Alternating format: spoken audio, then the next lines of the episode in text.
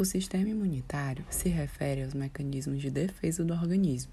Pode ser contra micro-organismos, contra toxinas produzidas por micro-organismos ou por outras moléculas estranhas. É basicamente constituído pelos órgãos linfáticos e por células livres. Para que essa proteção seja efetiva, as células do sistema imunitário, primeiramente, devem identificar as moléculas próprias do organismo e diferenciar daquelas que não são próprias. partir daí, essas células travam mecanismos para combater a molécula agressora. A comunicação entre as células do sistema imune e dessas células com células de outro sistema ocorre através das citocinas. Às vezes, ocorrem as doenças autoimunes, que ocorrem quando o sistema imunitário reage contra moléculas próprias do organismo. As moléculas estranhas que provocam a resposta imunitária são chamadas de imunógenos. O imunógeno é um antígeno, porém, um antígeno, ao reagir com anticorpo, pode ou não gerar uma resposta imunitária. Já o imunógeno sempre vai gerar uma resposta imunitária. Os órgãos linfáticos são o basto, os linfonodos, o timo e os nódulos linfáticos, que são agregados de tecido linfático localizados nas mucosas do aparelho digestivo, do aparelho respiratório e do aparelho urinário. Essa distribuição ampla das estruturas linfáticas e a circulação constante das células imunitárias faz com que o sistema de defesa seja um sistema eficiente.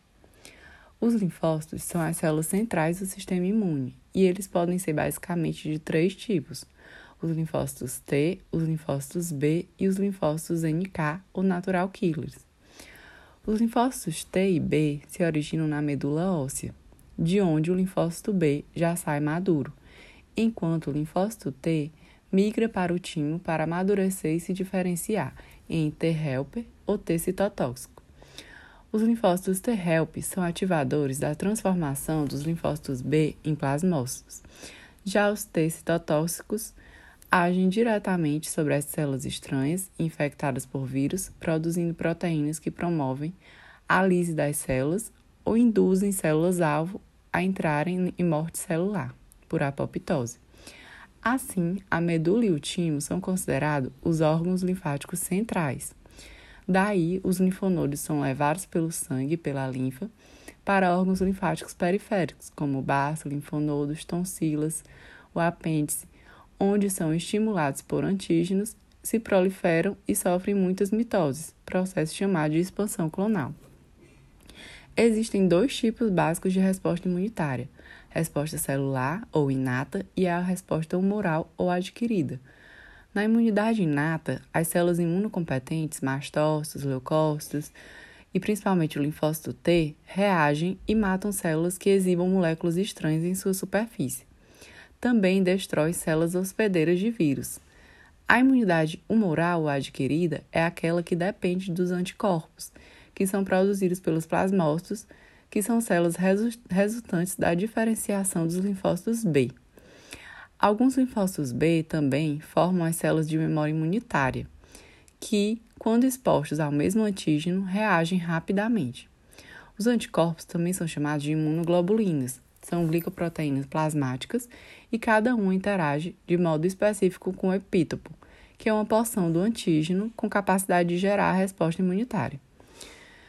Existem cinco tipos de anticorpos: IgA, IgG, IgM, IgE e, e IgD.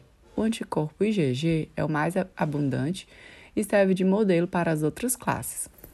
Antígenos que se ligam ao IgG e ao IgM ativam um sistema complemento, que é composto por 20 proteínas hepáticas que facilita a fagocitose e danifica a membrana das bactérias, facilitando o processo de destruição. Outra célula importante do sistema imunitário são as células apresentadoras de antígeno, que, através do processamento de antígenos, transformam as proteínas em pequenos peptídeos que são ligados aos complexos de histocompatibilidade ou MHC. Os linfócitos T só reconhecem o antígeno quando associados às moléculas de MHC. As proteínas derivadas de patógenos são digeridos e se ligam ao MHC1. Um. Já as, a digestão das proteínas exógenas forma um complexo com MHC2.